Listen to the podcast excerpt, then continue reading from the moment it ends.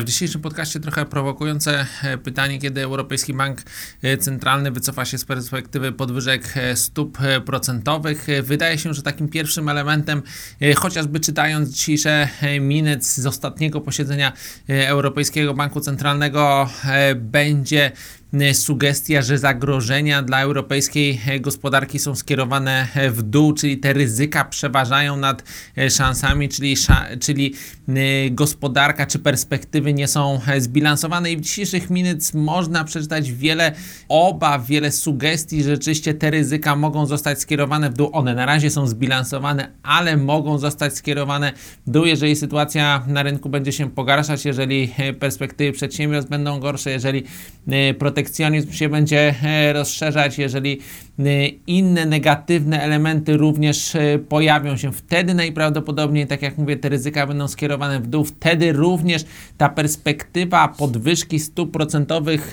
po lecie 2019 roku, czyli co po najbliższym lecie, można powiedzieć, że to jest wrzesień, będzie się oddalać, a to powinno szkodzić europejskiej walucie. Zresztą na razie nie widać pozytywnych sygnałów ze strefy euro. Właściwie oprócz e, dobrego rynku pracy i wzrostu wynagrodzeń, reszta wskaźników jest słaba. Potwierdzają to chociażby dzisiejsze dane o produkcji przemysłowej z Francji. Tym razem one były najgorsze e, od 4 e, lat. Także rynek wydaje się, że może czekać na te informacje, może na te informacje czekać w kolejnych czy podczas kolejnych posiedzeń Europejskiego Banku Centralnego, zwłaszcza, że prognozy Europejskiego Banku Centralnego w tym momencie wyglądają wręcz śmiesznie, gdyż w połowie grudnia zakładał, że strefa euro rozwinie się w całym 2018 roku o 1,9%. To jest zupełnie nierealny taki wzrost, gdzieś wzrost zbliżony do 1,